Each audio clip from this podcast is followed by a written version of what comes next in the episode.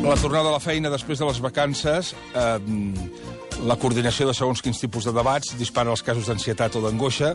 Segons alguns estudis, passar de la platja al despatx, per exemple, afecta negativament, atenció, eh, un 65% de la població. 65%, eh?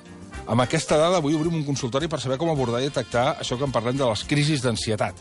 Per això ens acompanya el doctor Antoni Bolvenes, director del Departament de Psiquiatria de l'Autònoma i psiquiatre de l'Hospital del Mar. Doctor, bon dia i moltes gràcies. Bon dia tingueu.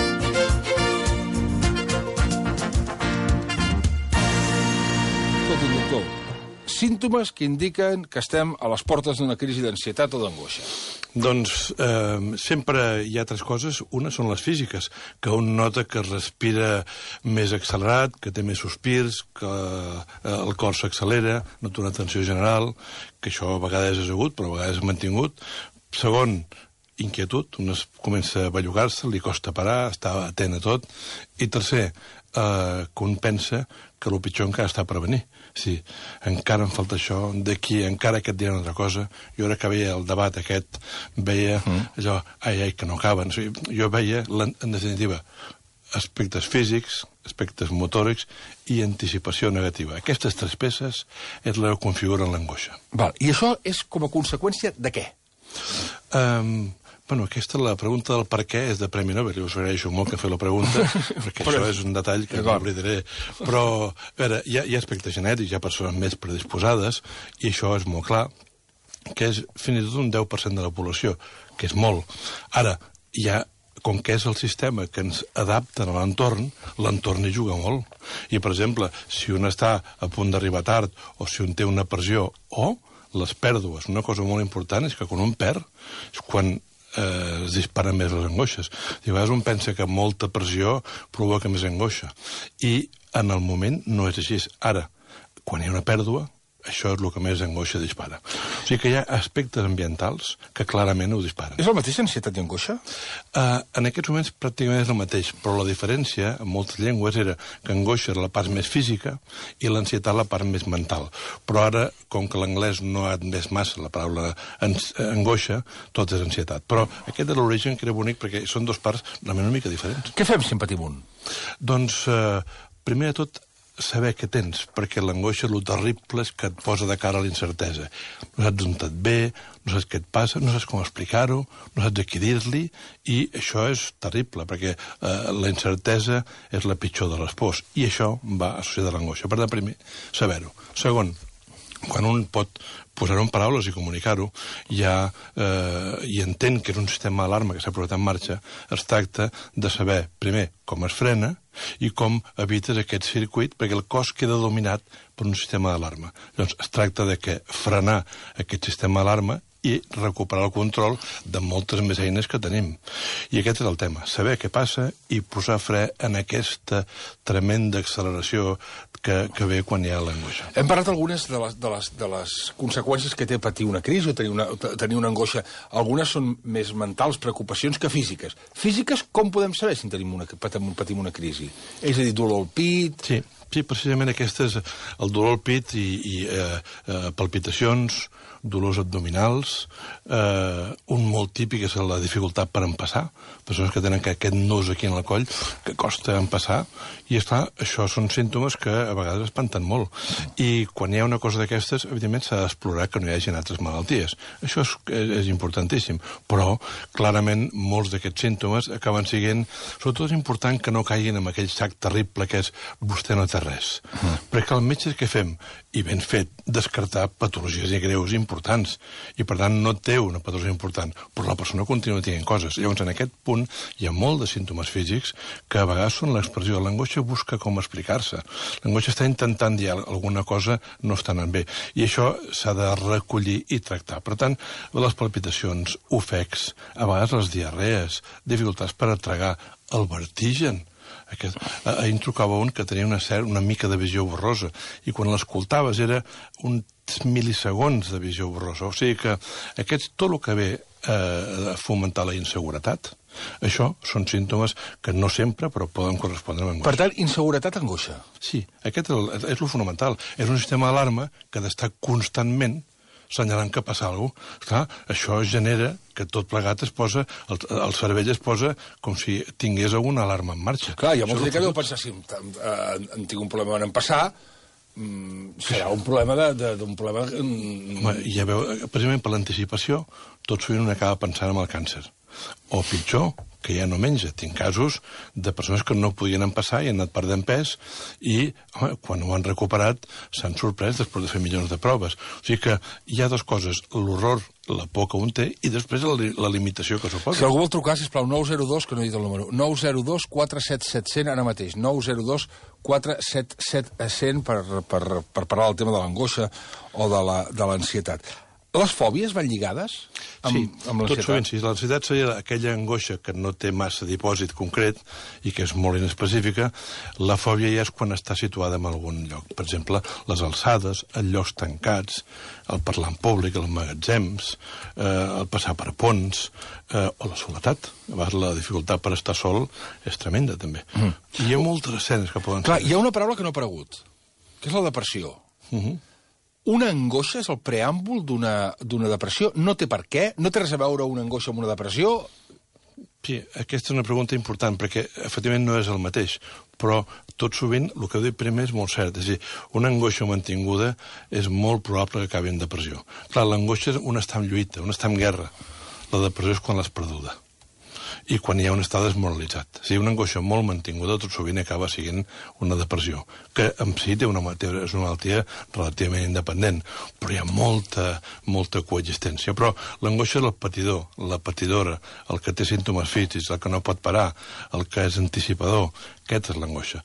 De, la depressió és quan un ja està trist, ja les coses no li agraden, ja no disfruta amb les coses, ja pensa que no val la pena res, i quan la visió del món, del futur, d'un mateix, ja és negatiu. Això és la depressió. Està estigmatitzat encara acceptar que has tenit depressió? Sí, i l'angoixa també. Jo, quan tracto personatges, eh, els recomano prudència que ja de quan en quan m'agrada anar contra l'estigma i ho faig, però... Prudència què vol dir? Quan diu quan prudència... Vull dir que, home, hi ha persones que jo tracto i que ho han dit en els diaris i això, i em sembla molt bé. Ah, però... jo tinc angoixa, no, no, jo no, no, no, no, no tinc cap problema en dir-ho. Sí, però imagineu-vos aquí encara que diguéssim, d'aquests que han vingut a la tertúlia, per exemple, algun que digués, no, és que jo, so, jo tinc depressió. Uh, vol dir que trauria el mateix número de vots? És a dir, jo encantat clar, de dir-ho, eh? Clar, I, per dir, clar, jo, clar, clar, només faltaria jo, però, però vull dir que també la, la, la, hi ha una mica d'estigma encara amb això. Mm. O sigui, no, o sigui, no tot és la mente meravellosa. Mm. Mm. Uh, els nens i adolescents també poden estar eh, exposats a aquest tipus de trastorns? Sí, precisament, eh, el, precisament si, és una cosa genètica, ja, ja podeu imaginar que igual. Mm. Però és que sembla ser que els primers anys de vida són moments molt importants per tenir el que es diu la seguretat, és a dir, tenir la base segura. Amb animals també. O sigui, el nen ha de tenir una, un vincle que hi hagi un punt que digui ara estic tranquil. I això a vegades que les educacions que tenen els nens no ho fan.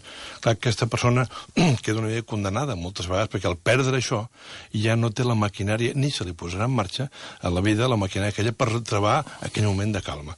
I això, per tant, és molt important a l'hora de trobar causes. Però, esclar, això en quant a nens, que a l'adolescència és un moment... Clar, és aquest deu ser el pitjor moment, no? Comença, un està a la plaça de l'Atual i comença a veure autobusos i nenes i nens i, i xapes i futbolistes i cantants i tu et jugues la imatge davant de tot això, et jugues al ser. I l'adolescència és un moment preciós, molt intens, però que hi ha molta aglomeració de coses, hi ha molta... I clar, això a vegades els que tenen més dificultats és quan tenen, no tenen aquests símptomes. Ja, hem parlat de les fòbies, però no hem parlat, per exemple, d'un tipus que és dels de, els hipocondríacs, sí. que cada vegada n'hi ha més.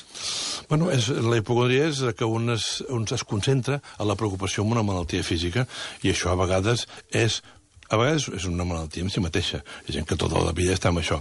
Però tot sovint, si un té angoixa i no sap què té, doncs al final ha trobat una manera d'explicar això que li passa. Jo tinc una cosa a la panxa que vostè no em troba. I almenys ho ha pogut explicar. O sigui que mm. l'hipocondria moltes vegades l'has de donar la benvinguda perquè la forma com la persona pugui explicar-se. Mm. O sigui, no l'has de renyar amb un hipocondríac. Mm. Has de mirar d'ajudar-lo a que pugui canalitzar això. La Gemma de Tarragona. La Gemma, bon dia. Hola, bon dia. Tu diràs. Mira, a mi el que em passa és que quan me'n vaig a dormir, ja no sé si és ansietat o no, eh, tinc com malestar a les cames que el que necessito és aixecar-me, encara que estigui molt cansada. Llavors necessito aixecar-me i caminar. Uh, té com unes pessigolles a les cames o així, que, que tinc com una angoixa, però que jo el que necessito sobretot és aixecar-me. No, no, encara que estigui molt cansada, eh, eh, tinc que aixecar-me i caminar. Sí. Glòria, he dit, no? Glòria. Sí. Miri, Gemma, Glòria. Gemma, Gemma. Ah, Gemma, perdó. Doncs No, Gemma, no passa res. Perdoneu, eh, el, no, això, això no és ben bé una, una crisi d'angoixa. Això és una malaltia que es diu la malaltia de les cames inquietes i que, efectivament, hi ha uns picors i una mena d'incomoditats que es passen caminant. Eh, ara, encara que, evidentment, quan un eh, està més tranquil, això li passa menys, però es tracta amb uns medicaments que són eh, bastant específics per això i tant neuròlegs com psiquiatres ho tractem. I no és ben bé un símptoma d'angoixa. L'angoixa ho augmenta, però té una pròpia, és una patologia de la son que cada cop es coneix. Es diu el síndrome de les cames inquietes. I això té un tractament i afortunadament es pot arreglar. Molt bé. Gràcies, Gemma. Gràcies. Fins ara. Eh, la Sandra ens pregunta que la seva filla de 9 anys sempre està angoixada en què els passarà alguna cosa. A la nit no pot dormir, fins i tot no es, queda, no es pot quedar a dormir a casa d'alguna amiga perquè pateix de no estar amb la família. S'ha de tractar? Sí, clarament sí, perquè això eh, és eh, això que dèiem, és que un anticipa una sèrie de coses i la seva vida no és el, realitat, el, el present, és aquest futur terrible, que això és aquesta es- especial tendència a veure el negatiu. Això, evidentment, fa que la vida del present no la pot viure i, per tant, no pot disfrutar, no pot pensar, i llavors això sí que és important tractar-ho. Hi ha tractaments psicològics i farmacològics que l'ajudaran. Aquesta nena té que recuperar el control. No és just que visqui en el futur horrorós i que perdi el present. Per tant, tranquil. a veure un especialista immediatament. El Xavier enquadra tot el que diu el metge. Pors, ascensors, sopars amb molta gent, por a morir, Sí. les altures, pànic a parlar en públic. Diu que prenc Becitran i Tranquimacin de 0,25 abans d'anar a dormir i ho tinc controlat. És correcte el tractament que em recomanen en una exposició d'una presentació que haig de fer d'aquí pocs dies? Doncs eh, sí, poder, la, no sé quina dosis és la de la sertralina, que és el medicament que diu, però a vegades aquesta època de l'any és una època que veiem que pugen les angoixes. Ho dic perquè és important saber que ara és una època de floriment dels símptomes.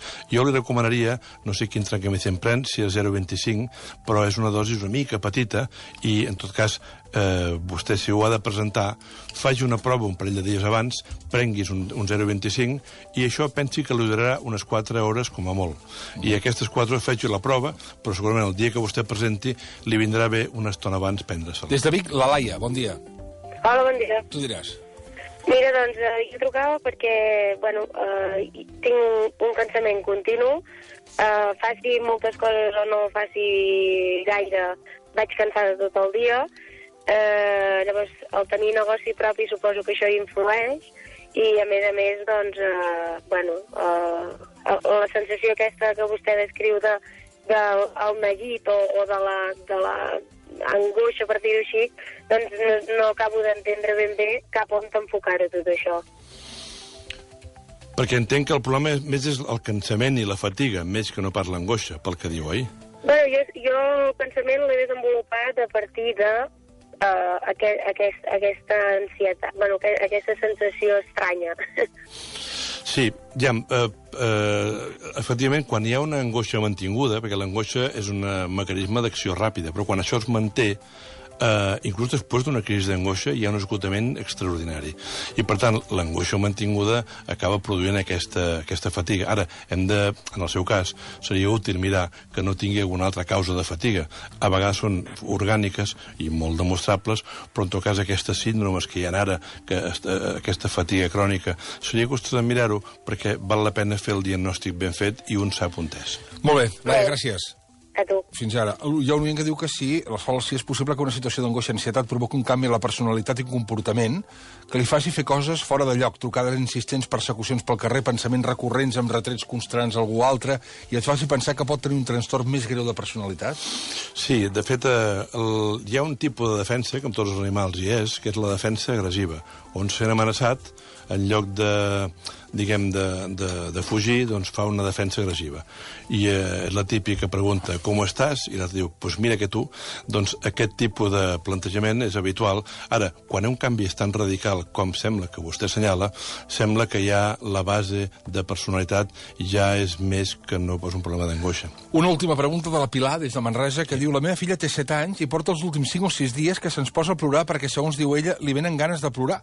Ahir va tornar a posar-se a plorar i vaig aconseguir que, parlant amb ella, m'expliqués que li venien ganes per la malaltia del seu pare, que té retinosi pigmentària, que deriva en ceguesa, i també perquè té por que perquè, per quan ens morim la família, quan es mori la família es quedi sola.